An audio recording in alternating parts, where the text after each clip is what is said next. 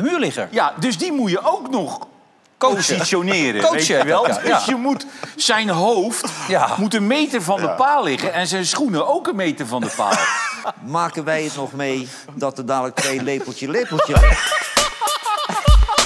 mee dat er dadelijk twee lepeltje lepeltje... De muurligger. Welkom bij aflevering 41 van Muurleggers, de podcast. Eh, we zijn er weer na een interlandperiode. Ik denk dat deze kort en krachtig gaat worden, maar ja, we kennen onszelf ook al wat langer eh, dan vandaag. Dus de kans is nog groot dat we over 15 minuten nog steeds aan het lullen zijn. Maar we gaan proberen het kort en krachtig te houden. We zitten eh, helaas, of misschien gelukkig, weer in dezelfde samenstelling als altijd. Deze opstelling verandert niet. Tegenover mij, Keanu, Brand. hoe is het ermee? Ja, ik weet niet. Moet ik je feliciteren? Ben ik jarig? Ja, nee, volgens mij niet, hè. Oh, nee, nee. maar ja, goed. We zijn toch bijna geplaatst voor het Europese kampioenschap. Dus, eh, ja, het- ja, dankjewel Keanu. Ja, misschien moeten we elkaar wel feliciteren, misschien niet. ja, Ehm, hier hangen de slingers in ieder geval nog niet op, Nee, ik. en de vlag hangt ook niet uit en hangt ook niet halfstok en hangt ook niet op de kop. Eh, dus ja, daar kunnen we denk ik eh, eh, lang en breed over discussiëren. Maar feestelijke stemming hangt hier niet. Maar ja, ja, moeten we er anders maar gewoon meteen induiken. Ja, laten we dat doen. eh, want vorige week gaf je eigenlijk aan dat je er eh, niet echt naar uitkeek. Nee, nee, nee, nee. nee. Maar volgens mij heb je wel twee keer 90 minuten gekeken. Of eh, klopt dat niet wat ik zeg? Ja, ik heb toch twee keer 90 minuten gekeken. Ik heb Frankrijk, volgens mij de eerste of de laatste 15 minuten gemist, zoiets. Oh, oké. Maar kreeg je het er ergens een beetje warm van? Of was het wederom uiterst teleurstellend? Ja, en alle, alle eerlijkheid vond ik eh, het begin tegen Frankrijk dat ik dacht van, hmm, oké. mm, Ja, dus niet dat ik het gevoel heb dat Nederland compleet van de mat wordt getikt. Maar als je eigenlijk ziet hoe makkelijk je daarna eh, eigenlijk de 1-0 tegen krijgt, ja, dan zakt je eigenlijk wel direct weer alle hoop of moed eh, in de schoenen. Eh, al merk ik ook bij mezelf dat ik niet eh, per se op het puntje van mijn stoel zit als er een doelpunt valt of eh, als er een tegendoelpunt valt. Het- ja, ik sta er denk ik tegenwoordig wat neutraler in. Als ik naar Nederlands elftal kijk, heb ik het gevoel alsof ik naar, weet ik veel, Hull City tegen Nottingham Forest kijk. Nou, dat kunnen de jongens wel als een compliment afhalen. Nee, maar niet, niet qua niveau, maar meer zeg maar, het boeit me eigenlijk niet wat er gebeurt. Geen beleving. Geen beleving. Meer irritatie, frustratie. Dat soort. En ik weet niet of dat een bepaald oud zeer is wat over is gebleven van eh, ja, de afgelopen eindrondes. Maar ja, dat, geen beleving is denk het juiste woord. Dus zoals gisteren, eh, ja goed, er was ook een heleboel eh, tendens in aanloop naar de wedstrijd tegen Griekenland. Wat gaan we het zwaar krijgen en kwalificatie voor het EK komt in gevaar. Ja, en dan, dan zie je die wedstrijd, ja, die was natuurlijk niet om over naar huis te schrijven, maar dan krijgen we in de 93 een penalty. En dan heb je niet ergens iets van spanning in je lichaam dat je denkt van, boah, als je deze maakt, dan eh, zijn we gewoon zo, zo, goed, zo goed als zeker geplaatst voor het EK. Zal ik, zal ik eerlijk zijn? Je hoopte dat hij miste. Eh, Nee, ja, dat, dat nog net niet. Maar ik had er geen traan om gelaten als eh, de scheidsrechter de penalty alsnog had afgekeurd. En dus 0-0 was gebleven. Want deze wedstrijd verdiende eigenlijk niet de uitkomst die het heeft gekregen. En het heeft niks mee te maken met eh, het spelbeeld. Want ja, Nederland was in ieder geval in de eerste helft sterker en beter. Maar als je ziet eh, hoe er gevoetbald wordt, eh, wat voor kansen er blijven liggen, dan verdien je eigenlijk niet daar om te winnen. Griekenland verdiende verder ook helemaal niks. Hè. Laat één ding die waren echt in de eerste helft vier klassen minder dan dit Nederlands elftal. Maar dat vat voor mij ook samen hoe triest het eigenlijk is. Dat je daar niet gewoon met 4-0 wint. Want ik denk een Nederlands elftal van, laten we zeggen, tien jaar geleden, hadden we geëist dat, dat het dan minimaal 4-0 was geworden. En nu is het eigenlijk van, oh, nou ja, nou ja, oké, het wordt 1-0. Hoezé, we hebben het goed gedaan. En oh, wat is het zwaar. En laten we niet vergeten hoe lastig het veld is en de tegenstander. En Ja, wat vond je daarvan? Want na de wedstrijd werd Van Dijk dus geïnterviewd en eh, we- s- eh, stelde die reporter de vraag van, "Boah, wat hebben jullie het jezelf gemaakt? En het eerste die zegt is, eh, ja jongen, heb je dat veld gezien? Vind je dan dat hun eh, überhaupt in de positie mogen komen om dat als eh, excuus te gebruiken? Of, Ja, zeker. Want je hebt het natuurlijk wel over het grootste Europese internationale eindtoernooi. Hè? Dus het gaat ook om een kwalificatie daarvan. Het is natuurlijk wel treurig dat er een mat ligt die je ook op zondagochtend zesde klasse tegen kan komen bij Wijnandia. ja, Toch? Daar, Ja, daar nee, mag je iets van vinden. Wat ik daarentegen niet vind, is dat dat een excuus moet zijn over hoe slecht je omgaat met de kansen. Dat is niet dat de bal niet rolt, toch? Nee, zeker. Het is niet dat de goal eh, bergafwaarts staat. Nee, nee, zo erg was het ook nog niet. En dan zeg ik ook altijd, en volgens mij zeggen wij, zeggen wij dat ook altijd op zondag, hè, als het warm is of het veld is kut, heeft de tegenstander ook last van. Ja. Dus dat is eigenlijk geen verweer. Nee, maar ik vind zeker op dat niveau. Ik denk, weet je, je krijgt 100% zoveel betaald. Ja. ja, dan moet je overeenzetten. En tuurlijk, ik snap eh, vooral die jongens die in Engeland voetballen, van, die zijn natuurlijk allemaal perfecte grasmatten gewend. Maar ja, goed, eh, om dan meteen dat als eerste verweer te gebruiken van ja, door het veld hebben we vandaag niet goed kunnen voetballen. Ja, Is voor, mij, is voor mij geen verweer voor hoe het spel er eh, uitzag. Want een bal bij een tegenstander aan de voeten schuiven heeft vrij weinig te maken met, met het veld. Of een bal niet tussen de palen krijgen. Of een penalty recht op de keeper afschieten, snap je? Dat, dus dat vind ik eigenlijk geen verweer. Maar het zegt denk ik ook genoeg. En dat, dat appte ik gisteravond ook. A, de manier hoe er gejuicht wordt na zo'n 1-0. Ja, je moet je eigenlijk kapot schamen. Maar daar wordt gedaan alsof ze naar de finale van het WK gaan. En B, zeg maar, dat je niet eigenlijk gewoon zegt van ja, oké, dit was heel slecht, maar we zijn eigenlijk hartstikke blij dat we dit toch nog over de streep hebben weten te trekken. We hebben genoeg om samen aan te werken richting dit EK, maar één ding is zeker, we zijn in ieder geval er zo goed als bij. Dat had ik een logischer antwoord gevonden dan weer een of ander slap excuus over het veld of de scheids. Of de, ah, dat, ja, ik weet niet man, dat, dat zorgde voor mij ook voor dat ik 0,0 Binding. affiniteit en binding met zo'n elftal heb. Omdat het gewoon, ja, er zitten niet echt, eh, zoals ze dat mooi op zijn Engels zeggen, van die likable gasten tussen. Ja, misschien, ah, zeker een Reinders en zo, dat zijn leuke jongens eh, eh, om te zien voetballen. Dat zijn jongens waarvan je het gevoel hebt, die, die staan er nog met een bepaalde, hoe zeg ik dat? Die zijn nog puur of zo, als die, Mhm. die zie je nog genieten. Maar ja, weet je, als je dan Van Dijk ziet of een Bergwijn of ja, een, laat ik een Weghorst maar niet eens benoemen, ja, dan, dan houdt het voor mij eigenlijk al vrij snel op. Ja, want vandaag kwam nou weer eh, de mededelingen van de voetbalanalyticus. eh van Dijk heeft zich wel echt nu als een echte leider laten zien. Dat hij daar achter de bal gaat staan in de 93 minuut. Ik vond ook persoonlijk dat hij best wel twee goede interlands gespeeld had. De de afgelopen tijd was ik wat kritischer, maar ik vond Ja. nu dat hij wel zijn mannetje stond. Maar zie je nou echt dan die leider in- van het Nederlands elftal in hem? Of heb je nog altijd zoiets van, ja, het is toch een beetje net niet? Dat laatste. Dat heb ik ook. Dat laatste, man. En ehm, ik zou je ook niet zo 1, 2, 3 nu een alternatief kunnen bieden. Want hij, is, hij heeft de meeste senioriteit, hij heeft de meeste eh, ervaring. Ehm, maar hij is niet voor mij de belichaming en de verwezenlijking van dit Nederlands elftal. Dat, althans, in de ideale situatie, dat is die wel. Maar dat is ook een van de redenen waarom ik dus die binding niet voel met het elftal. Het heeft er gewoon mee te maken hoe hij zich als persoon opstelt, de dingen die hij zegt na zo'n wedstrijd. Ik weet niet, man, ik heb er gewoon echt helemaal niks mee. Ja, mee eens, ben ik het helemaal mee eens. En ja, dus ik weet ook niet, jij hebt volgens mij gisteren niet heel veel gezien, hè? Nee, ik eh, schakelde in de 85ste minuut in. Dus Ja. eh, toen heb jij meteen van, je hebt niks gemist. Nee, En- je hebt inderdaad niks gemist. Kijk, zeker heb je wat gemist, zeg maar, drama. Je hebt voor mijn gevoel niks gemist. Maar zullen we even teruggaan naar eh, vrijdag. Ja, Eh, die wedstrijd tegen Frankrijk. Die heb je 90 minuten gezien? eh 60. 60.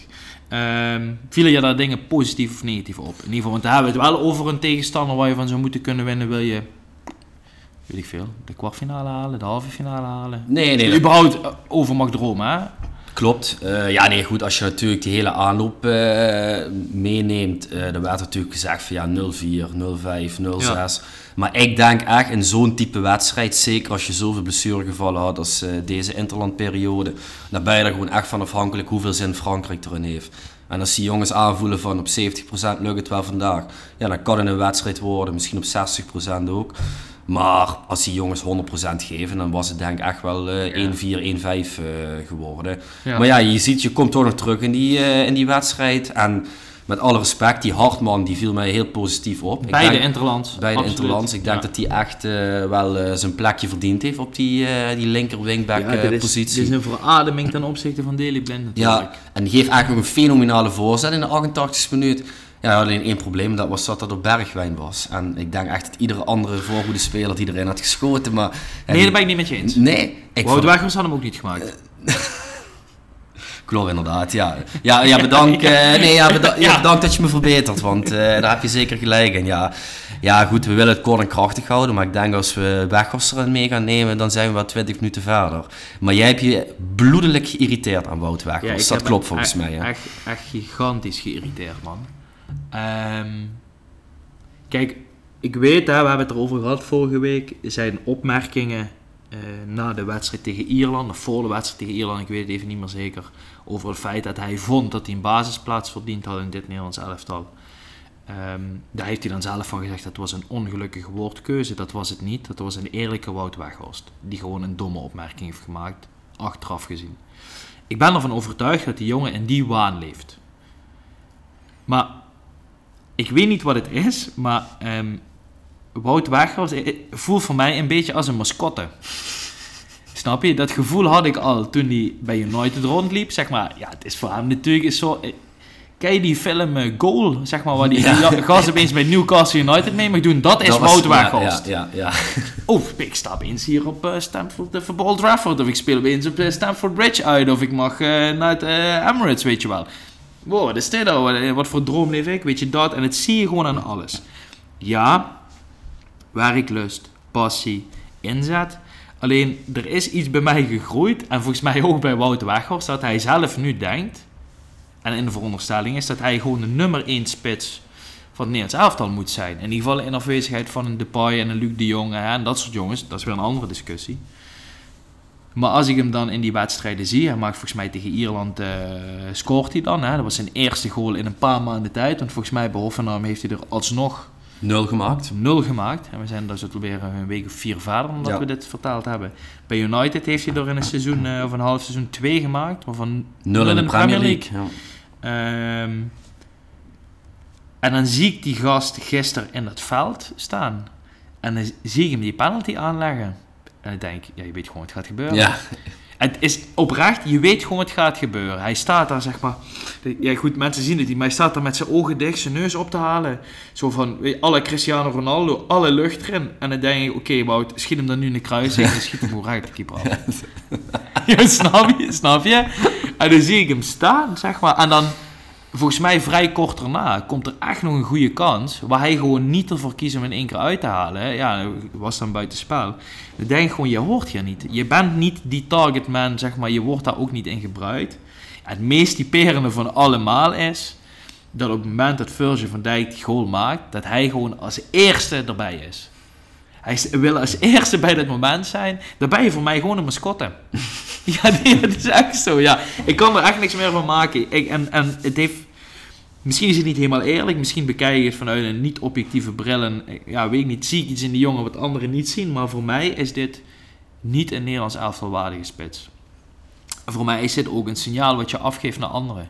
Als dit niveau getolereerd wordt, zowel bij club als bij land, dan kan iedereen toch op dit moment kans maken. In Dan maken wij nog kans. Ja. Nee, ja, ja, dat dan weer net niet, hè. begrijp je niet? Zo, zo bedoel ik het niet. Maar dan, waarom zouden dan nu jongens thuis zitten als een jaar die schout of zo en denken, waarom ben ik niet geselecteerd? Ik weet dat positie afhankelijk is, maar dat is toch niet te verklaren? Hetzelfde met zo'n bergwijn, dat is toch gewoon niet te verklaren? En al die eh, andere facetten, waar je, wat je dus ook net terecht benoemt, wat die wel beheerst, vind je niet dat je altijd zo iemand wel in zo'n selectie moet hebben? Maar ik blijf erbij.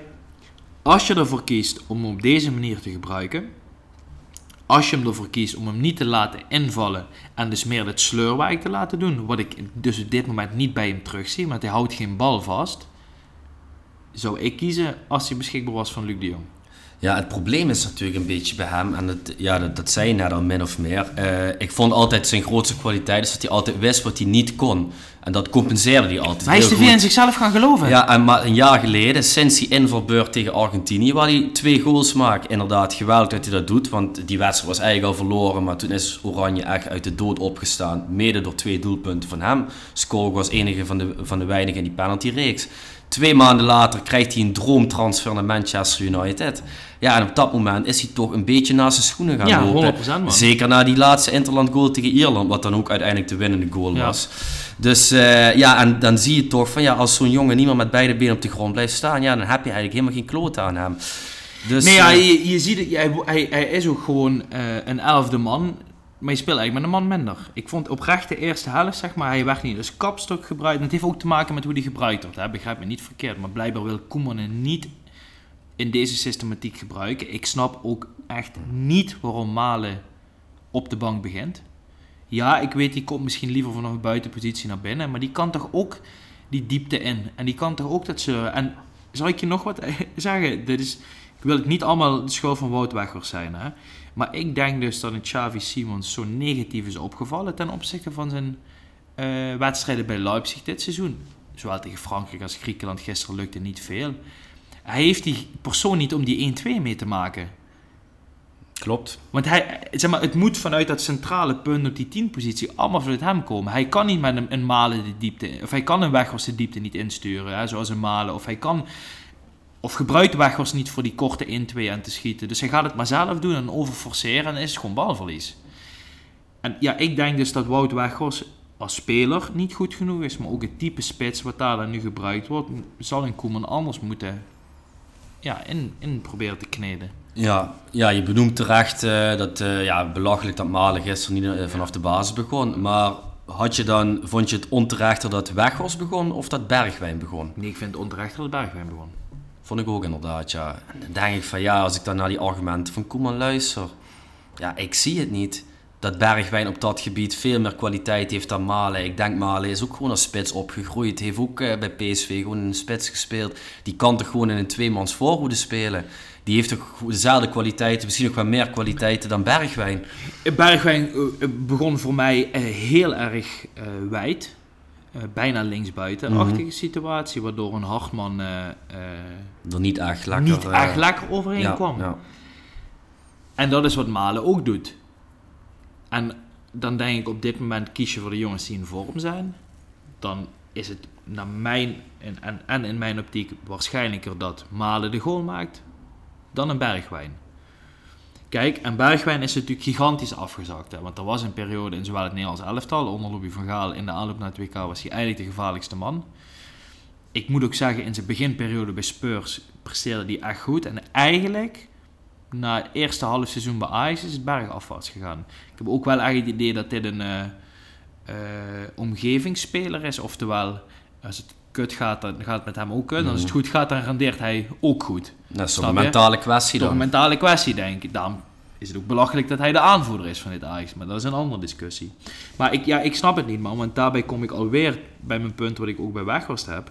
Wat is dit voor signaal naar Donjal Malen? Wat moet hij nog doen bij Dortmund om in de basis 11 van Koeman te komen? Ja, en zeker als je en een Gakpo en een Depay, noem maar op, als die nog allemaal niet beschikbaar Ja. zijn. Ja. En begin dan met Bergwijn en Malen. Ja, Als je- precies. En niet met Weghorst erbij. Ja. Helemaal als je hem niet gaat gebruiken in die kapstokrol. Ja, ik snap, ik snap het echt niet, man. En dat zijn ook dingen die, die Koeman natuurlijk... waar hij de verantwoordelijkheid voor moet nemen. Want laten we één ding vooropstellen. We hebben hier tot dusver geroepen... Ja goed, wat, wat kunnen we Koeman kwalijk nemen? Maar de keuzes die hij op dit moment aan het maken is... Ben jij onder de indruk? Nee, ik Zie weet... jij hetzelfde vuurtje als wat je in zijn eerste periode zag? Nee, absoluut niet. Ik probeer dan wel enigszins nog iets positiefs te vinden. Dat ik denk van ja, goed, ze hadden wel echt veel blessuregevallen. Er werd natuurlijk toch wel met knikkende knieën naar deze interlandperiode toegewerkt. Frankrijk thuis en Griekenland uit. Dat max één punt misschien eh, uit die twee wedstrijden. Ja, goed, ze hebben eigenlijk alleen twee keer van Frankrijk verloren. Voor de rest is het natuurlijk een super moeizame kwalificatie geweest. Met weinig goed voetbal en eigenlijk weinig positieve punten. Maar goed, het verschil met Koeman en eh, zeg maar die fase onder Danny Blind is wel dat Koeman er gewoon voor gezorgd heeft dat ze in ieder geval kwalificeren. En niet dat je daar in maart of april nog een play-off eh, ronde moet spelen. Want dan maakt het jezelf natuurlijk wel echt moeilijk. Maar verder in het veldspel ja, zie je eigenlijk zelden tot weinig eh, progressie. En dat vind ik wel zorgelijk. Ehm, is hem iets kwalijk te nemen nu al? Vind je, vind je het dan nog steeds te vroeg Ja, voor? Wel- het materiaal te, te beperkt? Nou, de keuzes waar wij het nu zojuist over hebben gehad, vooral de voorhoede, dat vind ik wel zeker kwalijk te nemen. Want als we, eh, kan ik hierbij ook eigenlijk, want je beide het ook in ons gesprek, hè, die wedstrijd tegen Frankrijk hebben we eigenlijk direct achter ons gelaten. Sterker nog, die wedstrijd ga je in met oké, deze verliezen we. Maar maandag, daar gaat het Mhm. echt om. Dat hoor je de commentator zeggen, de analytici zeggen dat.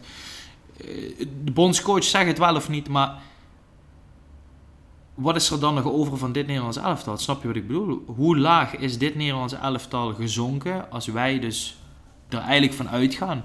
Maar Frankrijk eh, kunnen we sowieso vergeten. We moeten het maar tegen de Grieken laten zien. Ja, heel diep gezonken. Waar ben, je, je van de top 6 beste landen van de wereld naar nu? Waar, waar sta je nu? Eerste 15 denk ik, zoiets. Ja? Ik denk wel dat je nog in de top 15 staat. Of eh, betwijfel jij dat ook?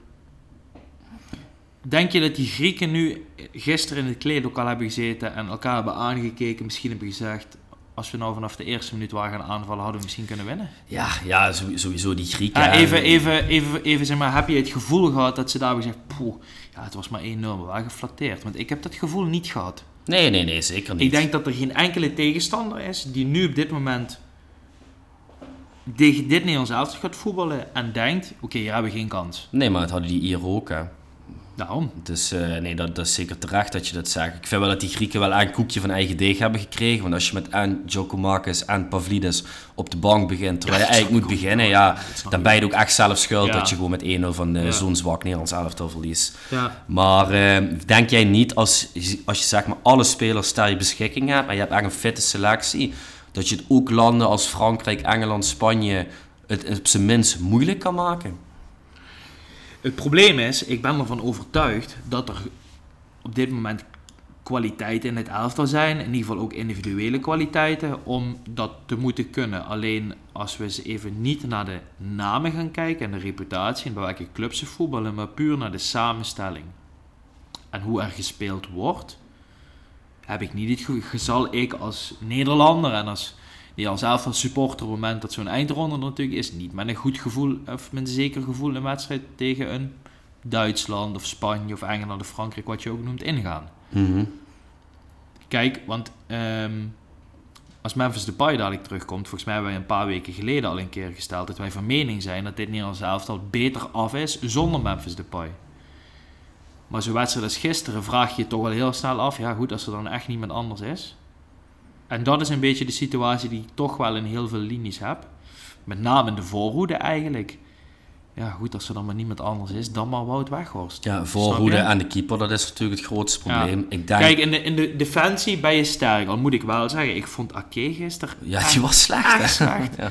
Van Dijk, prima, maar het is niet meer het kolossale eh, zekerheidje van een verdediger wat, het, wat hij was. Geertruida ook zwak. Geertruida vond ik, die is eh, de 1-0 schuld tegen Frankrijk. En gisteren pakt hij echt zo'n domme gele kaart, waardoor hij zichzelf eigenlijk uit zijn agressiviteit die hij in de wedstrijd kan leggen speelt. Ah, weet je, dat, dat is dan zwak. Maar goed, die jongen draait wel gewoon echt een geweldig seizoen nog steeds bij Feyenoord. Eigenlijk de afgelopen jaren al. Dus ik denk dat dat ook misschien een kwestie is van... Ah, hoe het gebruikt misschien ook wel spanning. Kan. Dit was Ah, een incident. dat dit was- dit was een incident. Ja. Kijk, en er is natuurlijk wel een positieve zaak te zeggen over een Van de Ven die het goed doet bij Spurs, die ik gisteren ook niet goed vond invallen. Oeh, die gaf een balletje daar. En dan kan je nog zo die 1-1 weer tegen Ja, krijgen. Ja, Ja, ja, dan zal hij wel hebben gedacht, lig aan het veld. ja, waarschijnlijk wel. snap je. Maar goed, ik ja. vind dat dus een verkeerde inspeelpaas voor drie meter. Ja, tuurlijk. tuurlijk. maar ehm, ja, je ziet een Hartman, eh, waar ik heel lang vorig seizoen over heb getwijfeld. Oké, ik zie je presteren bij Feyenoord, maar ga je dit op een hoger niveau kunnen? Maar die bewijst het wel. Ja. Want die speelt nog met een bepaalde vrijheid. En Niemand heeft het over Daily Blind. Maakt het niet uit of Oesman Dembele tegenover hem staat of eh, Mitchell van Berg of zo, snap je? Hij gaat er gewoon voor. Mhm. En met die vrijheid speelt hij ook. Dan heb je natuurlijk nog een Frimpong. Ik vond Dumfries gisteren slecht. Frimpong viel wel goed in tegen Frankrijk, ja, vond ik. ja, maar Dumfries vond ik gisteren Ja. slecht. Echt heel maar slecht. toch, bij die penalty... Ja, hij Ja, doet het is het toch Ja, hè, dat zeker. Denzel. Ja, nee, ben ik met je eens. Nee, maar goed, weet je, dus daar zit het wel snor. Als je naar het middenveld gaat kijken. Ja, Ja, dat wordt interessant dus nu. Ik, ik, ik, eh, ik ben er niet over uit, maar ik denk wel dat Tijani Reinders zich naast Frenkie de Jong heeft gevoetbald in een ideale situatie de afgelopen twee Kijk, dus wedstrijden. Frankie en Xavi Simons op 10, Naast dat elkaar. staat vast. Maar dan Dat heb je alleen nog wel. één compagnon naast Frankie. Dat was dan altijd, wie moet dat worden? Wie voor uh, En ik, denk, ja, en ik denk daarin is het best fijn om te kunnen kiezen tegen een aanvallend dominante tegenstander om voor een drone te gaan. En als je het gevoel hebt dat je wat meer zelf die voorhoede wil oppakken eh, en wil aanvallen dan een Reinders, want die heeft natuurlijk wat meer aanvallende kwaliteit. En dan kun je dan ook nog prima na 60 minuten een Veerman inbrengen. Oké, maar jij, dan geef jij Reiners en de Roon geef je wel een voorkeur boven Koopmeiners, Veerman, Ik vind voor... Koopmeiners absoluut niet goed genoeg voor 6. Die doet het bij Atalanta goed, maar op 10. Daar komt hij het Nederlands altijd tekort voor, vind ik. Ehm, ja, die Schouten is te veel hetzelfde type voetballer als Frenkie de Jong. Dus het gaat niet naast elkaar, denk ik. Ja, en Wiever. Ja, weet je, Wiever wel best wel afgebrand naar die Interland tegen Ierland. Ik vond het daar best meevallen. En gisteren ja, zie ik hem ook wel gewoon prima invallen. Je? je kunt, het is geen 8, maar het is ook geen 4. Mhm. Dus het is ook een sol- solide jongen om erbij te hebben. Dus ik denk dat dat voor Koeman fijn is. Maar dit zijn voor mij nog niet dat ik denk van... Zo, een middenveld met Frenkie de Jong, Tijani Reiners en Xavi Simons. Daarmee gaan we Frankrijk verslaan. Snap je wat ik bedoel? Dat ontbreekt nog bij mij. Nee, dat zeker. Omdat, ja, die, die samenstelling hebben we nog geen keer gezien. Kan ik dat stellen? Nee, dat klopt. Dat klopt inderdaad. Dus ja, dat, het dat- ziet er op papier leuk uit, maar Mhm. weet je, hoe rendeert zoiets? En dat is natuurlijk het probleem dat Koeman ook heeft. Waardoor hij denk ik dus bij belangrijke interlands vaak voor de ron kiest. Het geeft stabiliteit. En hij weet gewoon welke smaak dat is. Ja, maar ik ben wel eerlijk, als ik die de Roon dan ook weer gisteren en tegen Frankrijk zie, dan denk ik toch van, poeh, het is wel allemaal heel beperkt. Hè? En ik snap het zijn kwaliteiten, dat, dat, dat zijn de kwaliteiten die hij eigenlijk heeft als hij niet de bal heeft. Maar iedere keer als je die bal hebt, ja, boah, dan is het voor een tegenstander wel heel makkelijk om te zeggen van, weet je wat, we zetten Frenkie de Jong, zetten gewoon één à twee man op en laat de Roon maar vrij. Ja. Want ja, die heeft Maar als toch... hij, als hij als opdracht krijgt, hè, gaten dichtlopen, defensief aanwezig zijn, als je de bal krijgt inleveren bij de dichtstbijzijnde speler, doet hij dan slecht? Maar zou Reiners dat niet ook kunnen, alleen heeft hij ook nog net iets meer? Ik denk als je Reiners die opdracht meegeeft, ga je die jongen beperken in zijn kwaliteiten. Dat is een jongen met een drang, een jongen met een drang naar voren, denk ik. Ja, maar, maar Frenkie de Jong heeft dat juist niet, vind ik. Nee, Die maar- zie je niet rond de nee, 16. Maar, dan is, maar vind je Frenkie de Jong iemand die continu de gaten dichtloopt? Is Frenkie de Jong goed genoeg om een soort van centrale eh, enkele rol in te vullen als zes? Dus met de punten achteren. En alleen hij op zes, zoals je dat... Zoals Arsenal bijvoorbeeld voetbal met Rise of Party, of zoals eh, City dat doet met Rodri, kan Frenkie de Jong dat? Eh, Dat zou die denk ik wel kunnen. ik, denk, ik denk het niet. nee? Ik denk niet dat hij dat beloopt. Hij krijgt dat defensief en aanvallen niet belopen. Hij is niet dat verdedigende massa-blok om een eenmans eh, eh, blok op het middenveld te vormen. Nee, maar ik zou ook niet met een eenmansblok spelen. Maar ik zou dan wel gewoon zeggen van Frankie, eh, jij voetbalt rond de middencirkel. Misschien op 30 meter van de goal van de tegenstander. En jij bent echt onze verdedigende man. En dan zou ik Reiners wat meer vrijheid geven. Ja. Wel naast hem op papier. Ja. Maar ik vind Reiners vind ik gevaarlijker met een drang naar voren dan Frankie Nee, ik ben het met je eens. Maar de vraag is inderdaad wat, wat ik lastig vind in te schatten. Ik denk dat de Ron, wat jij terecht zegt, een hele bepalende rol niet aan de bal heeft. Het dichtlopen, ja, de opvangende man, eh, of de man opvangen die in, inschuift, dat soort zaken. En de vraag is, kun je Reiners zo gebruiken? Ja, ik moet het zien. Ik, ik vind het een leukere propositie dan als je met Martin de Ron moet voeren. Daar ben ik met je eens. En, eh, ja. ja. nee, goed, dat sowieso, dat, dat vind ik ook. Eh, ja, goed, hij heeft nu twee interlands in de basis gestaan. Eh, dus ja, goed, we doen nu net alsof hij niet meer is weg te denken. Het Nederlands Nee, elftal. Dat dat- sentiment hangt een beetje in. Nederland. Maar eh, ja, ik, vind, ik vond hem wel positiever opvallen op de een of andere manier dan Veerman. Terwijl Ja. Veerman ook echt niet veel fout heeft gedaan. Maar ik, ik denk dan toch eerder, als ik mijn ideale basis moet maken, denk ik eerder aan Reinders dan aan Veerman. Ja, kijk, ik denk dat het ook genoeg zegt over het feit dat, eh, omdat het dus op dit moment zo gaat met dit Nederlands elftal, dat we al heel snel op alles wat er positief uitziet, Ja. eh, over een Hartman, over een Reinders zeggen, oké, Dat valt meteen op, ja. moet, dit moet erin staan, dit moet, dit, Ja. is on- dit moet onze basis elf worden. En ik denk dat dat het probleem is. ja dat en ik denk klopt. oprecht dat Koeman het ook niet meer weet. Ja, nee, dat overdrijf ik natuurlijk. Hij weet zeer zeker waar hij mee bezig is. Maar ik kan me voorstellen dat hij wel twijfels heeft. Omdat het niveau dus, wat mij betreft, zo laag is. Voor het Nederlands elftal ze doen. Ja, maakt wat mij betreft iedereen kans. En dat is leuk hè. Want ik denk daarmee, ik, weet, ik vraag me af of een Hartman tien jaar geleden dit Nederlands elftal had kunnen voetballen. In de piek van een...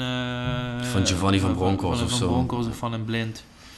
Ik vraag me af of Tijani Reinders ooit op een middenveld met Raffel van der Vaart, Wesley Sneijder eh, eh, had kunnen voetballen. WK 2014, zo Maar- Jonathan de Goesman. Mark van Bommel en. Nigel de Jong. Nee, maar snap je Ja, ik bedoel? ja, nee, zeker. Ja, die lichtingen kan je niet met elkaar vergelijken. Nee, maar ik, dat vind ik A, interessant en leuk. A, dat die jongens de kans krijgen. Maar dat Is ook zorgwekkend. vind ik ook heel erg zorgwekkend. Ja, zeker. zeker. En- Ik wil, ah, want we hebben ervoor gekozen, de schapenluisteraar zal eh, doorhebben dat we geen stelling nog hebben benoemd. Dat was ook niet de bedoeling, hadden we misschien even vooraf moeten benoemen. We zijn er gewoon meteen ingedoken. Maar ik wilde wel een stelling inbrengen. En dat was namelijk de volgende.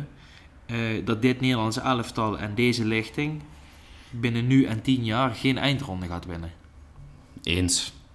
Ik zie daar ook echt gewoon nul Perspectief in. perspectief in. Nee, ik ook nul. Ik denk wel echt, als iedereen fit is, dan kan je het wel echt ieder land moeilijk maken. En dan heb je natuurlijk ook een beetje geluksfactoren in zo'n wedstrijd nodig om het eindresultaat binnen te slepen. Maar dat wij eh, kwalitatief goed genoeg zijn om een eindronde binnen nu en tien jaar te winnen, onmogelijk. Moet die nuance dan ook eindelijk op wereldniveau en bij heel veel Nederlanders ook eens worden aangebracht dat het misschien niet het meer het Nederlands elftal is wat we gewend zijn en dat we blij mogen zijn als we ons kwalificeren en dat we heel blij mogen zijn als we de knock-out fase halen van een toernooi. Absoluut. Of is dat nog te maar mis jij dat sentiment? Als je bijvoorbeeld gisteren naar de NOS, naar de nabeschouwing... Nu, ik heb wel eindelijk het idee dat het bij de NOS het langzaam duidelijk wordt.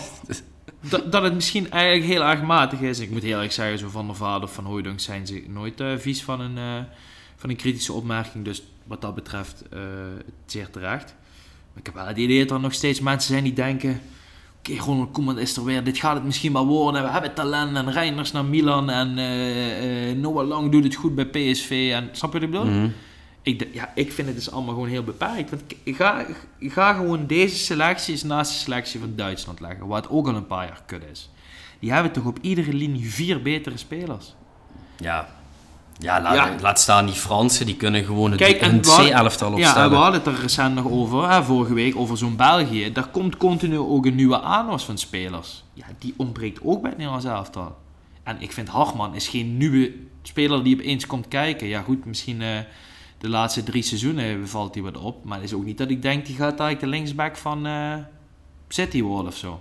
Nee, ja, je, je mist gewoon ja, die, die voorhoede, gewoon echt exceptionele kwaliteiten. Want ik denk, als je twee goede, als je zeg maar een Robben en een Van Persie voorin zou hebben, Dan- dan, zou dit Nederlands elftal Ja. best leuk kunnen renderen. Want die verdediging die staat op zich wel, ja, het middenveld, er moet nog wel aan gesleuteld worden.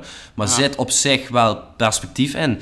Ja, alleen die voorhoede, ja, dat, dat, dat, dat kan niet, weet je. Je wordt ook gewoon echt uitgelachen in het buitenland als eh Wout Weghorst eh, de penalty voor je moet nemen tegen Griekenland. Stad- Denk jij als je dadelijk hè, met een Noah Lang, eh Donjel Malen en pff, rechtsbuiten. ja, of Malen als Eh, rechtsbuiten, Malen of Simons als rechtsbuiten. Eh, ja. Dus, eh, of je hebt Gakpo nog in de spits, hè? Ja. Noah Lang, Gakpo, Malen of zo. Ja. De Pai kan er nog wel of niet. Dat, ja. ja, dat hoort zich wel al wat beter aan. Of Gakpo, de Pai, Malen. S- Snap je? Dan Ja, denk ik, oké, dit kan lukken. Alleen, je weet, hè, dat klinkt op papier en het ziet op papier hartstikke interessant uit. Maar we zijn ook altijd heel kritisch op Memphis Depay. Ja, Dus vervang Memphis Depay met Wouter Weghorst klinkt het minder interessant, maar ik denk dat het evenveel gaat opleveren. Dat denk ik ook. Ja, ja, ik denk, ja, dat, ja, dat denk ik ik denk dat we daarmee soort van in eh, nu een half uur tijd een beetje het probleem van het Nederlands elftal hebben. Ja, en wat de Pai natuurlijk echt eh, mee heeft, is dat op het moment dat hij het Nederlands elftal shirt aandoet, dan heeft hij eigenlijk het gevoel van ik ben de man en ik moet hier het verschil gaan maken.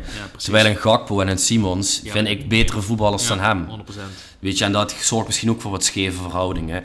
Maar eh, ja, goed, het is gewoon super zorgwekkend. En we houden ons maar vast aan het systeem wat ik ook al maandenlang bij Ajax roep. Het, het kan alleen maar beter.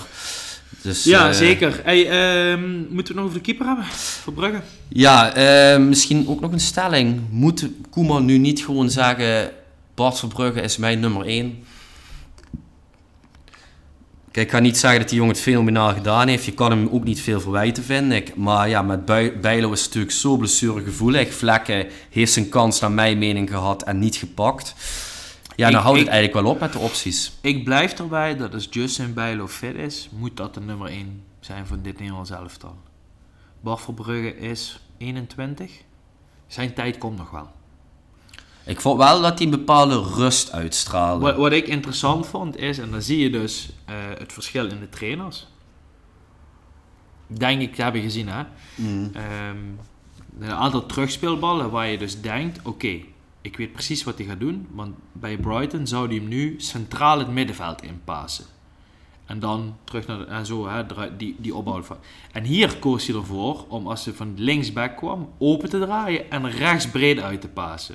En dat was zo'n verschil. En ik denk, top. Want je hebt niet Frenkie de Jong die iedere bal wel iets mee kan doen op dit moment op middenveld staan. Ik denk dat, dat, ik, dat ik dat heb kunnen zien. eh, dat het een aanwijzing is geweest van een Koeman. Want bij Brighton zal hij hem altijd direct het middenveld in passen. die Als je 1-2 zo'n bal de- eh, de Roon inspeelt, ja, Snap je dan, eh, dan het op op. zo'n veld. En Ja. dan denk ik, oké, slim. Goede inschatting. beetje voetbalkennis, denk ik dan. Ja, goed, en tegen Frankrijk valt hem ook vrij weinig te verwijten. Ja, goed, die bal die eh, Mbappé in de 1-0 maakt, ja, die komt er eigenlijk Ja. midden af. Maar dat, ja, moet de verdediger altijd tussen staan. En die tweede goal is natuurlijk gewoon een geweldige goal. Ja, dat, kan, dat doet vrij weinig, eh, Ja. vrij weinig keepers doen daar iets aan. Nee, maar ik denk niet dat je moet zeggen, als je daar naar het EK kan gaan en Justin Bijlo is fit, dat Bas Verbrugge nu al heeft verdiend om eh eindronde keeper te zijn. Nee, Eerste ja, keeper. nee ja, de, de, de reden waarom ik die stelling vraag, weet je, ik denk van nabij tenminste wel van het gezeik af. Dat is het enige, eh, ja, de enige reden waarom je zou zeggen van Verbrugge is mijn nummer Ja, 1. snap ik. Maar hoe ze zou een Koeman niet gewoon kunnen zeggen, oké, we hebben nu eh, een aantal interlandperiodes gezien. Justin Bijlo is mijn nummer 1. Is hij niet fit? Bart Verbrugge. Punt. Punt. Ja, lijkt me... En En dan zien we wel gaandeweg het seizoen of Mark Vlekken, eh Andries Noppel of wie dan ook, Jasper Seels als derde keeper mee mag. Maar deze twee jongens zijn mijn eerste twee keepers. En afhankelijk van fitheid en vorm kies ik daarvoor. Ik Lij- vind dat een prima keuze. lijkt mij heel verstandig als hij dat zou uitspreken. Ja, misschien, ja, ik vind Koeman niet iemand die dit onder stoel of banken zou steken. eh, eh, eh, per se. Best wel een uitgesproken persoon, maar ja. Nee, ja, over een maand heb je natuurlijk de laatste interlandperiode. Dan worden die laatste twee kwalificatiewedstrijden afgewerkt. Tussen Bijlo langzaam weer vet. Misschien Ja. dan nog wel of niet vet. Dat gaan we zien. Ja, tegen Gibraltar kan je sowieso zonder keeper spelen, dus dat scheelt. Behalve de Nederlands elftal. Eh, ja, dan denk ik dat we toch wel in 35 minuten deze twee wedstrijden even hebben gehad. Maar er is nog een wedstrijd tussendoor geweest. Dat was natuurlijk afgelopen zaterdag VVV Roda. heb je gekeken? Ik heb gekeken. Ik heb ook gekeken. Vertel. Mm, ja, ja. Hebben wij de eerste scheurtjes gezien?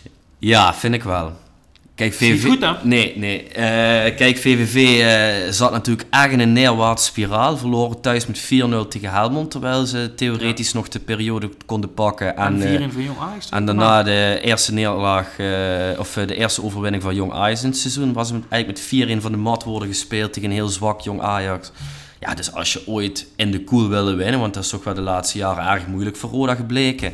Dan was dit het moment. Roda natuurlijk in een opweer, eh, opwaartse spiraal, VVV in een negatieve spiraal. Maar eh, ja, ik vond Roda niet per se slecht of zo.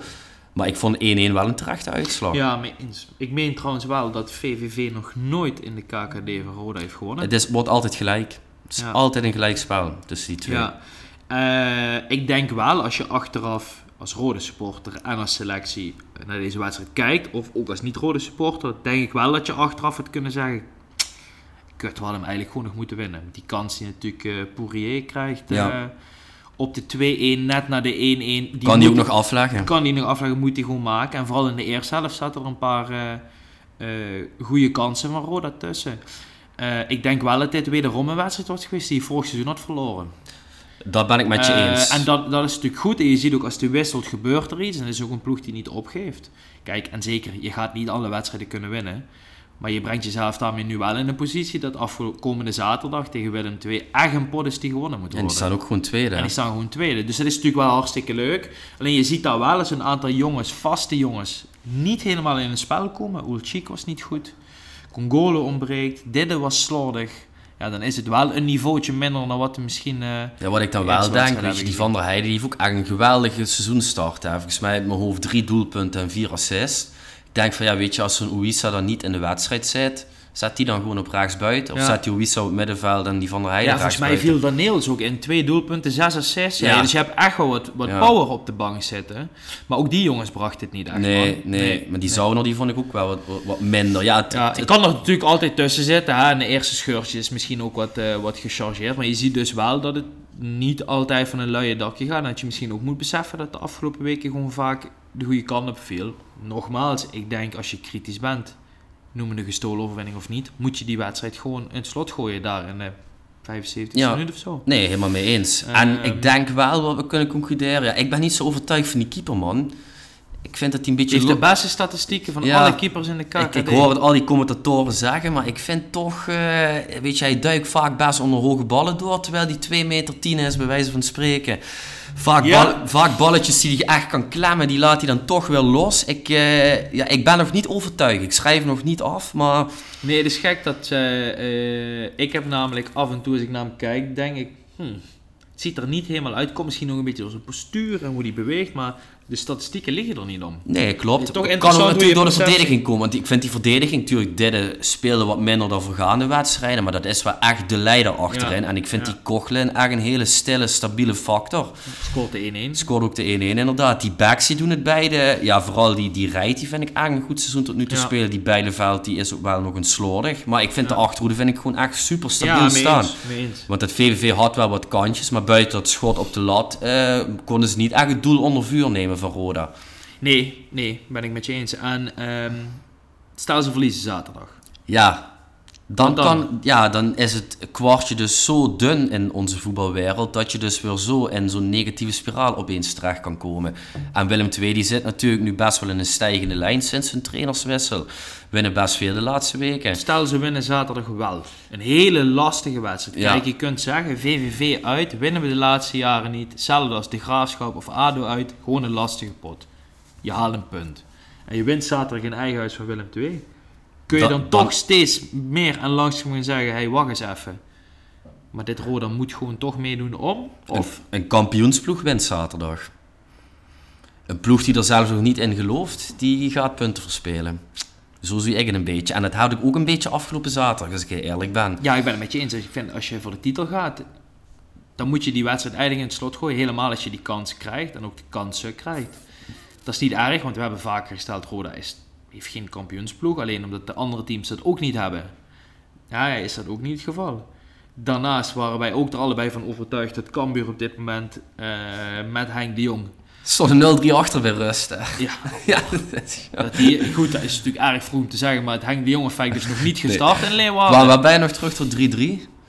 Ja, alhoewel het Jean-Paul van Gastel effect is bij NAC wel gestart. Hè. Groningen thuis gewonnen, nu Ja. uit bij Cambuur. Ja, je, je kan Ja. wel slechter beginnen. Ja, mee eens.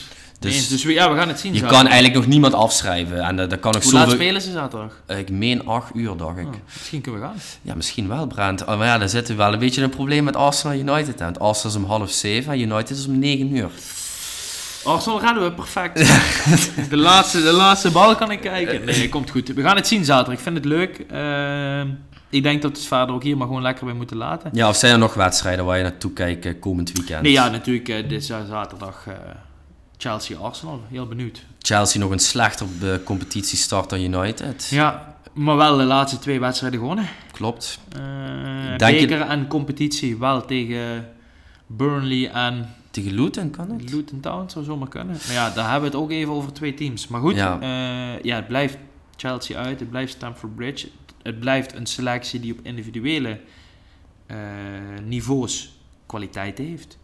Die wedstrijd, ja, en Sterling is geen slechte voetballer, snap je? Nee, nee, zeker niet. Maar eh, ik vind dat dit Arsenal gewoon eh, minimaal met eh 0-1 daar gewoon moet winnen. Chelsea is eigenlijk een club die we dit hele seizoen nog niet echt behandeld hebben. Ehm Pochettino, dat trainer geweest ge- vanaf dit seizoen. Denk je dat die, ja, dit ongeleide projectiel, als ik het even zo mag noemen, denk je dat hij dat onder controle gaat krijgen Dat daar? hebben ze zelf gecreëerd. Nee, klopt, maar hij is dan natuurlijk binnengekomen. En hij, hij is een trainer die heel goed rendeert met jonge, onbekende jongens en daar een team van maken. Als hij met een bepaald plan is gekomen, is dit fase 1. Dan kunnen we er echt pas over drie jaar iets over zeggen. Maar de vraag is, gaat hij die tijd krijgen? Dan zou hij natuurlijk wel wat betere resultaten moeten halen dan dat op he- tot op heden gebeurd ja, is. Ja, ik ben het heel 100% met je eens. Maar ja, ja.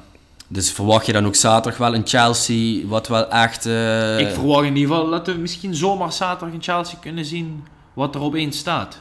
En niet een? Chelsea wat eh, 70 minuten gaat afwachten en dan gaat wachten op dat ene momentje om een keer eh, uit te breken. Ik denk als ze dat gaan doen, dan spelen ze zichzelf dood. Oké. Ik denk juist dat dit Arsenal op de counter eh, afgestraft kan worden.